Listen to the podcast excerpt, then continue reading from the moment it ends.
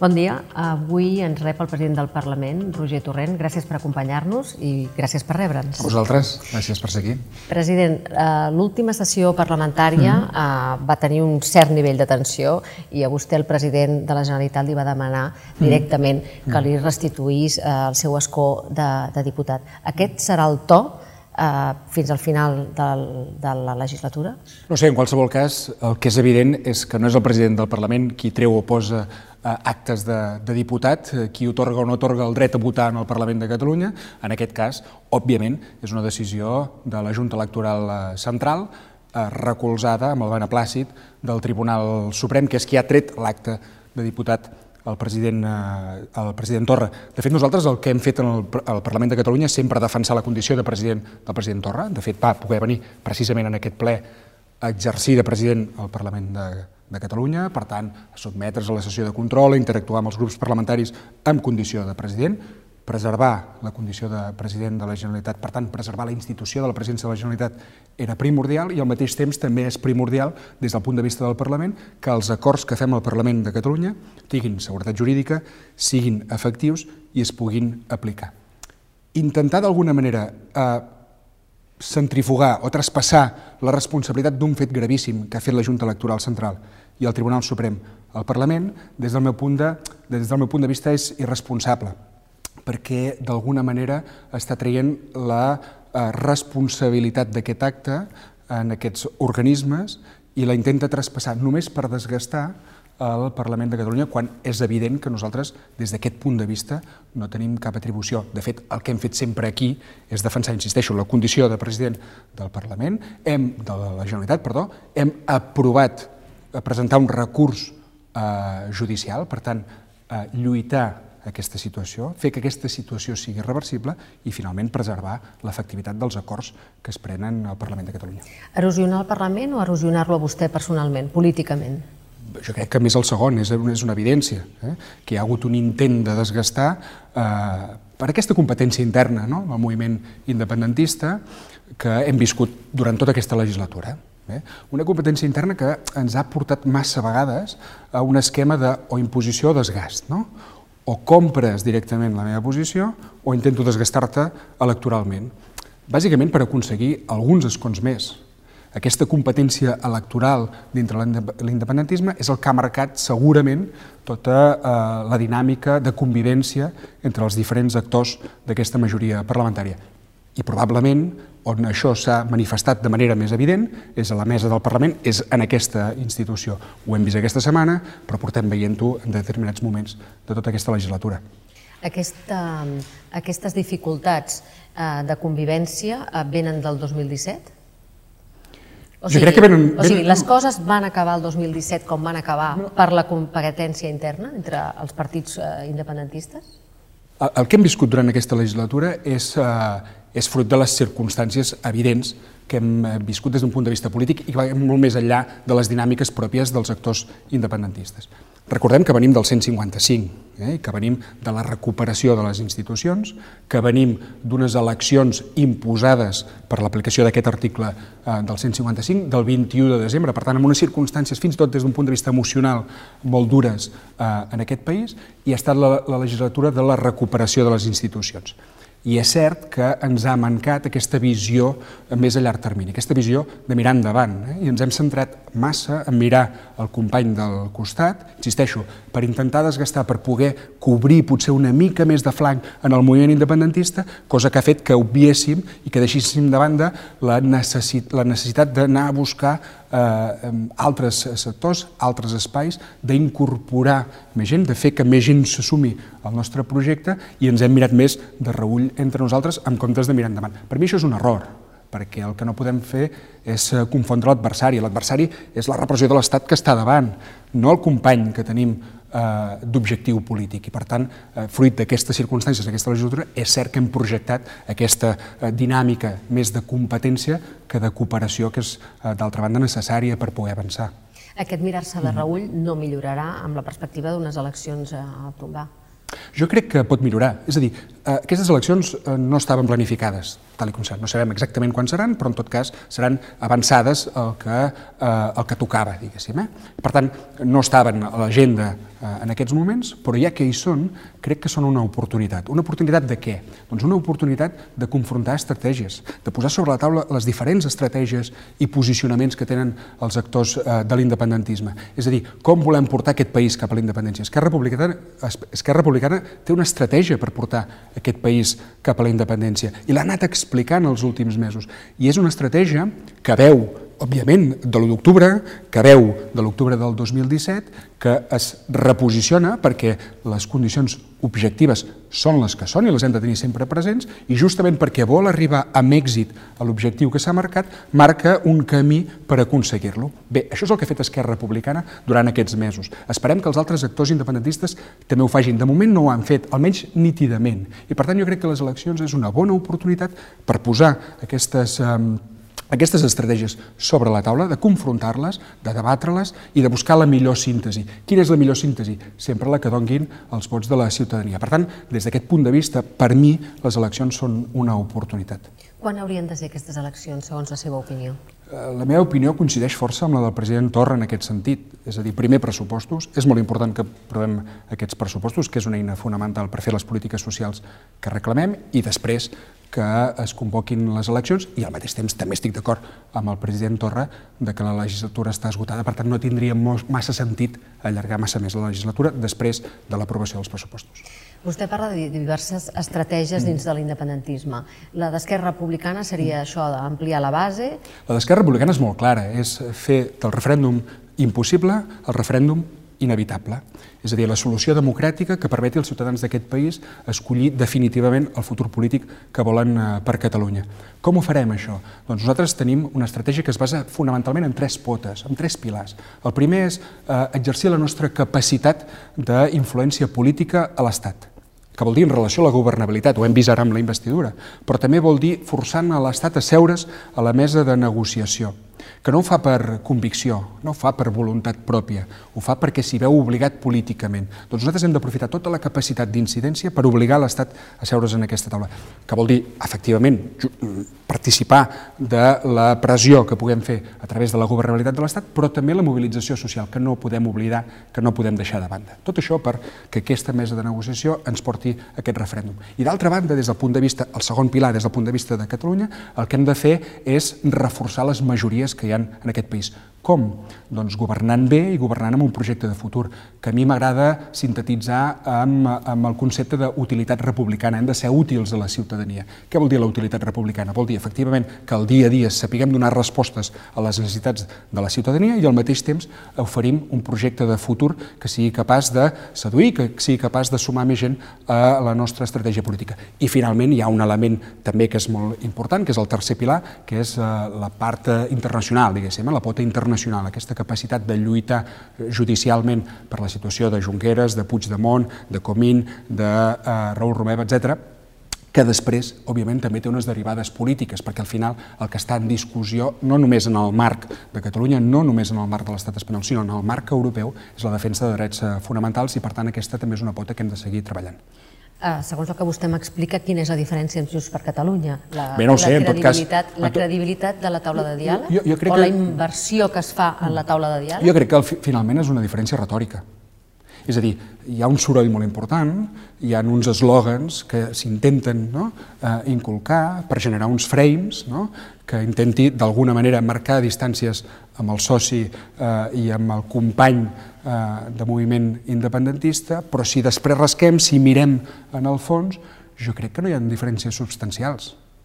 És a dir, no hi ha elements de fons que invalidin qualsevol acord a futur.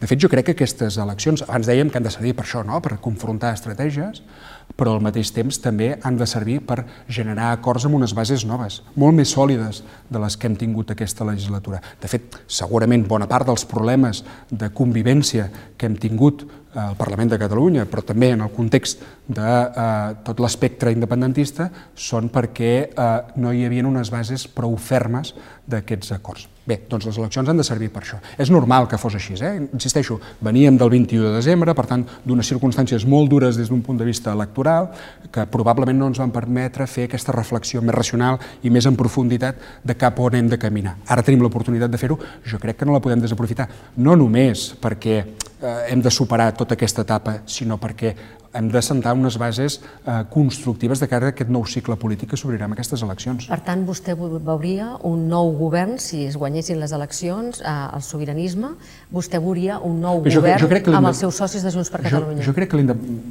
veurem quina és l'aritmètica, veurem què volen els ciutadans i ciutadanes d'aquest país que sigui la composició del Parlament. En qualsevol cas, a mi el que em sembla és que estem, eh, evidentment, obligats a entendre'ns els independentistes si realment volem avançar cap a la independència i cap a la república. Esquerra ho vol i, per tant, eh, eh, òbviament, eh, comptarà amb, tots aquelles, amb totes aquelles formacions polítiques que comparteixin aquesta agenda republicana, no? aquesta voluntat d'arribar a l'objectiu que fa 90 anys eh, que defensa Esquerra Republicana i que, evidentment, comparteix amb altres forces polítiques que, evidentment, també han de formar part d'aquesta equació. Insisteixo, estem obligats a entendre'ns. No? Per tant, descartaria acords de govern amb altres eh, formacions que no fossin eh, sobiranistes bueno, i republicanes. Nosaltres hem, dit, nosaltres hem dit que compartirem acords amb tots aquells que comparteixin una agenda republicana que vol dir una agenda antirepressiva, per tant no pot ser que hi hagin partits en aquesta, en aquesta suma, no pot ser que hi hagin partits que aplaudeixin la repressió, que aplaudeixin la presó, que aplaudeixin el fet de que hi hagin eh, presos polítics o de que s'apliqui el 155 i al mateix temps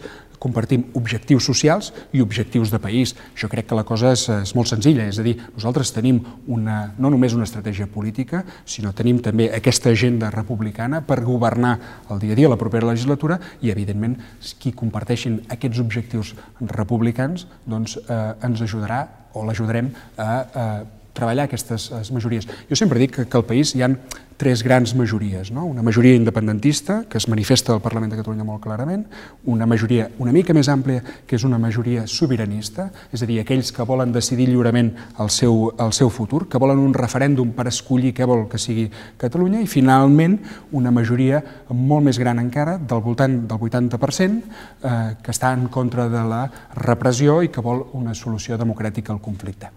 Bé, doncs hem de jugar aquestes tres majories. Allò que ens fa forts és aquests grans consensos. I per tant, com que allò que ens fa forts són aquests grans consensos, és evident que els hem d'enfortir eh, i que els hem de fer encara més sostenibles. I això no només ha de passar als carrers, no, no, no només ha de passar eh, en el marc de, de la societat civil, sinó també al Parlament de Catalunya. Per tant, en un nou cicle polític eh, nosaltres eh, estem convençuts de que haurem de fer uns esforços molt grans, encara més, diguéssim, per relligar aquestes majories i que es manifestin amb acords al Parlament de Catalunya. Per tant, geometries variables depenent del temps. Veurem, veurem. En tot cas, eh, ara és molt prematur, mm, passen moltes coses, eh, veurem quan se celebren les eleccions i finalment quin és el, el resultat. En qualsevol cas, aquests són els condicionants d'Esquerra Republicana pels, mm, que, que, que són imprescindibles a l'hora d'abordar qualsevol eh, negociació i qualsevol diàleg amb les altres formacions polítiques. És evident. Vostè deia fa un moment, es referia a la utilitat del govern. El govern, eh, fem un balanç del govern mm. actual, que està a punt d'acabar. Mm. Ha estat prou útil el govern pels ciutadans de Catalunya? Fem una prèvia, en tot cas, eh?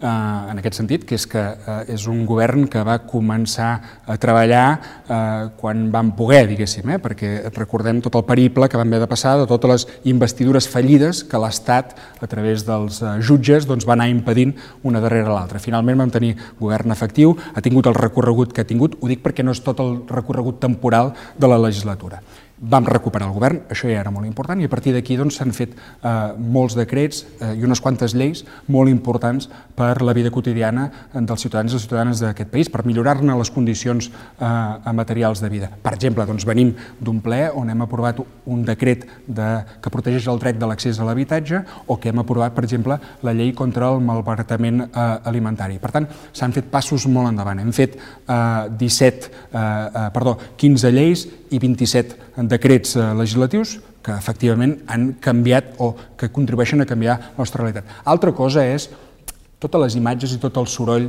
que s'ha projectat des del Parlament, que alguns grups han volgut projectar des del, des del Parlament. Però el govern ha treballat, ha treballat a fons i hem produït legislativament eines que ens permeten incidir en la realitat social.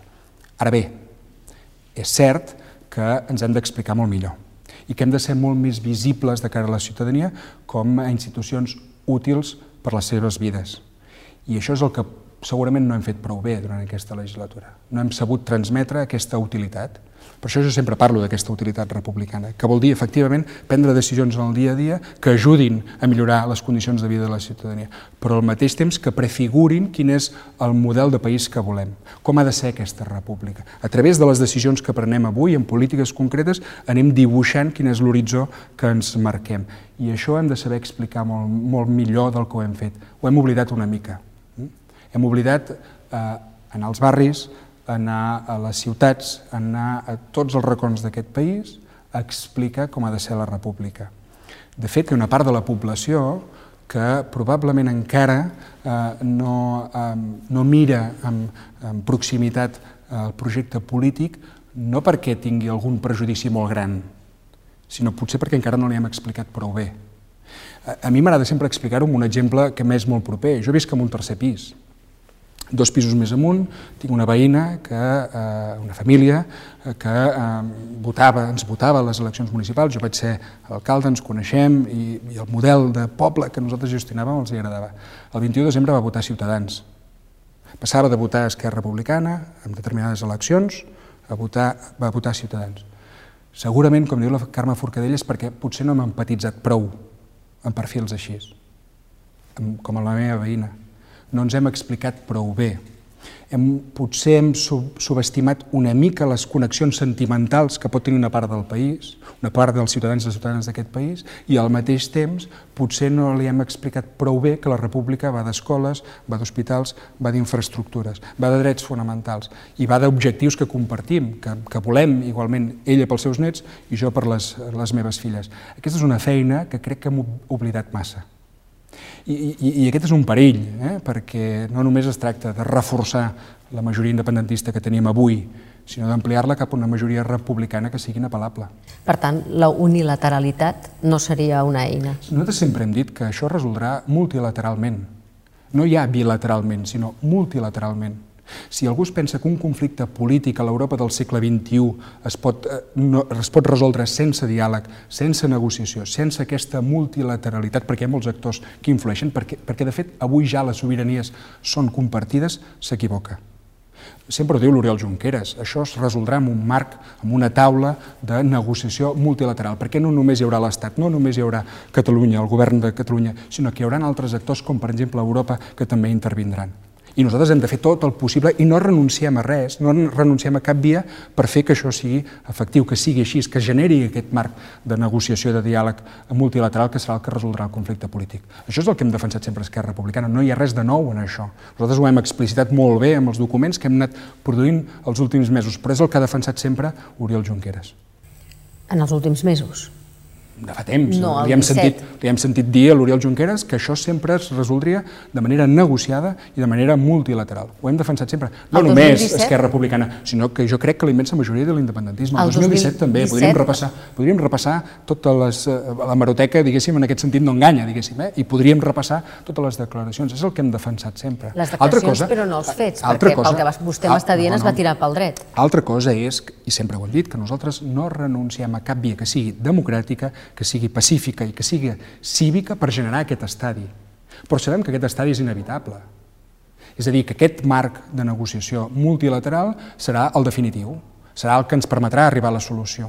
Però per arribar-hi, evidentment, nosaltres no renunciem a cap de les possibilitats que siguin, insisteixo, eh, democràtiques, cíviques i pacífiques, evidentment. Per tant, vostè està dient mantenir la tensió per negociar millor. Nosaltres estem dient que hi ha una part de mobilització, hi ha una part de mobilització que és imprescindible, efectivament, per tenir força negociadora. Sí, de fet no es pot contraposar eh, la negociació amb la mobilització. Són dues parts de la mateixa estratègia política que nosaltres defensem. Abans ho dèiem, nosaltres hem d'obligar l'Estat a seure's a la taula de negociació. Per què no ho fa de mutu propi? No ho fa perquè vulgui. Ho fa perquè s'hi veu obligat. Llavors, com, com, com forcem a l'Estat? Una part és amb aquesta mobilització, que és imprescindible per avançar políticament, i s'ha demostrat els últims anys. La taula negociadora ja existeix. Sí. Uh, quines possibilitats d'èxit li augura? Som escèptics nosaltres, eh? ho han dit d'entrada, no enganyem a ningú, vistos els precedents històrics amb el govern espanyol i particularment també amb els governs socialistes, i anem amb tota la cautela del món, però al mateix temps sabem que és eh, l'única oportunitat que avui ha sobre la taula per poder defensar eh, allò que vol una immensa majoria del poble de Catalunya, per poder aconseguir eh, l'autodeterminació, l'exercici de l'autodeterminació i l'amnistia. S'ha d'obtenir el reconeixement nacional en aquesta taula de negociació? Miri, l'objectiu d'aquesta eh, mesa de negociació és aconseguir l'exercici de l'autodeterminació, decidir lliurement el nostre futur i la fi de la repressió, l'amnistia. Aquests són els objectius que ens hem marcat per aquesta mesa de negociació. I això és el que defensa la delegació eh, catalana.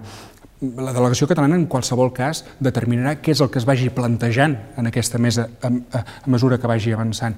I ho farà, evidentment, tinguent uns debats que, que crec que no haurien de ser públics, perquè crec que això ens, ens debilita la posició. En qualsevol cas, és una evidència, digui el que digui qualsevol institució, digui el que digui qui sigui, que Catalunya és una nació. Um, podem pensar que s'accelerarà o s'avançarà més ràpidament a la taula bilateral que a la taula de negociació, uh, així dita, més política? Perquè són dues coses diferents. Jo crec que hem de mirar de no confondre, perquè si ho confonem estem eh, jugant en el marc que voldria l'Estat, eh? que és eh, eh, plantejar el conflicte polític com una qüestió d'infraestructures o de recursos. No és això. Aquí hi ha un conflicte polític al qual s'ha d'anar a l'arrel i aquest conflicte polític s'ha de tractar a la mesa de negociació. No es poden confondre els plans. Són plans de negociació o de treball completament diferents. Ho dic perquè si ens fixem només en una de les taules o les, eh, eh, les superposem, estem jugant allò que voldrien alguns, que és que el conflicte polític es reduís a una qüestió d'un aeroport, una carretera, que és molt important, evidentment, però que eh, s'ha de fer en paral·lel, en qualsevol cas, amb la discussió respecte al, al fons del conflicte polític, que no és altre que un conflicte de naturalesa eh, de, de, del dret a decidir, de la voluntat dels catalans i les catalanes a exercir el seu dret a decidir decidir. La posició, eh, no anava a dir catalana, però no, no necessàriament catalana, sinó la referent a la Generalitat de Catalunya, mm -hmm. serà unitària, malgrat que vostè admetia que les forces s'estan mirant tot el dia de reull? Hauria de ser-ho. Seria absurd que ens tiréssim els plats pel cap per determinar posicions negociadores des d'un punt de vista públic, perquè això, insisteixo, com deia abans, ens afableix. És dir, imagini's afrontar una negociació amb una altra part i que l'altra part vegi com es discuteix la delegació catalana. Crec que hem de ser prou intel·ligents des d'aquest punt de vista I, i em sembla que és una qüestió de sentit comú que l'estratègia negociadora s'ha de treballar internament. I eh, l'estratègia negociadora que vostès mm. han de treballar internament, eh, confien que sigui la mateixa? És a dir, vostès confien que Junts per Catalunya cregui que realment eh, és útil aquest diàleg? Home, hi ha un consens, no? Diguéssim, ja, ja no l'independentisme, sinó que va més enllà que eh, es, eh, es resumeix, posem, podem posar-hi l'etiqueta que vulguem, eh, però que resumeix amb el concepte del de, el dret a l'autodeterminació i l'amnistia, la fi de la repressió. Crec que aquests són els dos eixos centrals, el nucli bàsic de la posició de la delegació catalana. Com això es manifesta a la, a la mesa de negociació? Com s'avança cap a aquest objectiu? Això ja dependrà de la delegació, que ho han de treballar, insisteixo, internament. Però em sembla que el consens bàsic eh, és molt evident i crec que és el que s'ha de defensar en aquesta mesa. El consens bàsic a Perpinyà no era evident. Bé, hi havia alguna posició a, a, a Perpinyà que, que que per mi eh, caiem l'error de eh, desacreditar nosaltres mateixos una eina que ens ha costat molt aconseguir i ho sap el govern que participa de la negociació, el que ens ha costat políticament aconseguir aquesta mesa de negociació que fa molts anys que reclamem. De fet, això és el sit and talk. Eh? Per tant, crec que hauríem de pelar-nos tots plegats a la responsabilitat de no, de no desacreditar una eina, un instrument que som nosaltres mateixos els que hem lluitat políticament per aconseguir. I sobretot no posar eh, coses sobre la taula que puguin servir d'excusa al govern del PSOE per no abordar els seus compromisos. Esquerra Republicana hauria de votar els pressupostos del PSOE? Esquerra Republicana prendrà les decisions de la governabilitat de l'Estat en funció de com avanci eh, políticament la resolució del conflicte. Ja ho hem dit moltes vegades. Si la mesa de negociació és cosmètica, s'acaba la legislatura. Per tant, evidentment que la posició d'Esquerra Republicana depèn del que vagi passant a la mesa de negociació, perquè no és una legislatura normal no és una legislatura ordinària. De fet, nosaltres no anem a fer política ordinària des d'aquest punt de vista. Nosaltres anem a la resolució d'un conflicte polític, que va molt més enllà d'uns pressupostos, que va molt més enllà d'unes partides, que va molt més enllà d'una negociació habitual des d'un punt de vista polític. Insisteixo, si no hi ha avenços en aquesta mesa de negociació. Si no es veu la voluntat de resoldre el conflicte, no hi haurà per part d'Esquerra Republicana legislatura a Madrid. I quin temps es dona a vostè, a vostè mateix, crec que per, no és una qüestió de... per considerar si hi ha avenços no, o no? crec que no és una qüestió de temps, diguéssim. Crec que és una qüestió de determinar com, a, com, com s'avança. De fet, nosaltres sempre hem dit, més enllà de com li diguem, que calen mecanismes que eh, fiscalitzin, no? que controlin eh, com s'està avançant a la mesa de negociació i com s'apliquen, si és que hi ha acords, els acords. No? Per tant, serà la pròpia mesa en aquest cas la delegació catalana, que anirà determinant com avança i com es pot certificar que efectivament anem caminant en la bona línia en aquesta mesa de negociació. I no és una qüestió de temps, sinó que és una qüestió de fets. I per tant, si no hi ha aquests fets, doncs Esquerra Republicana en prendrà nota i actuarà en conseqüència des d'un punt de vista polític, evidentment. I prendre nota i actuar en conseqüència és Té a veure amb la governabilitat de l'Estat. Sí, sí, i recuperar la unilateralitat? Esquerra Republicana, insisteixo, que té una estratègia política que és molt clara, que és fruit d'una reflexió molt profunda, que és fruit d'una anàlisi de l'entorn, de les circumstàncies objectives, de, també de l'anàlisi de les nostres pròpies forces i, en tot cas, que té, eh, que té en aquest marc de negociació i de diàleg, més enllà de la mesa de negociació, com eh, el, el mètode i l'instrument per resoldre el conflicte. Eh, eh, el vicepresident Pere Aragonès sempre diu una cosa que em sembla que és eh, molt encertada. Eh? Sempre diu que la unilateralitat no l'aplica qui vol, sinó qui pot. Eh? I és en base a aquesta reflexió, que em sembla, insisteixo, de sentit comú, que nosaltres anem prenent les decisions. Perquè no podem opiar quines són les condicions objectives. De fet, nosaltres volem canviar-les, aquestes condicions. Volem una nova correlació de forces que canvi aquestes condicions i que ens permeti fer el referèndum eh, inevitable.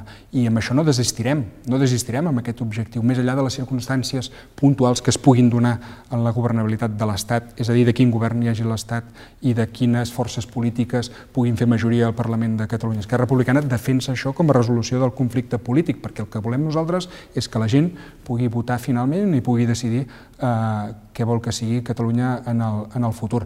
I ho farem de la manera més efectiva possible. No és allò que ens agradaria, no és allò pel qual potser un determinat públic ens pot aplaudir més, allò que ens motiva a prendre determinades decisions. Les decisions les prenem en funció de si ens permeten avançar o no ens permeten avançar. En els últims anys es, no es va fer bé això que vostè anomena, anomena l'anàlisi de les nostres forces? Crec que a partir de l'octubre del 17 eh, som més conscients de quines són les nostres forces i sobretot de quines són les de l'Estat.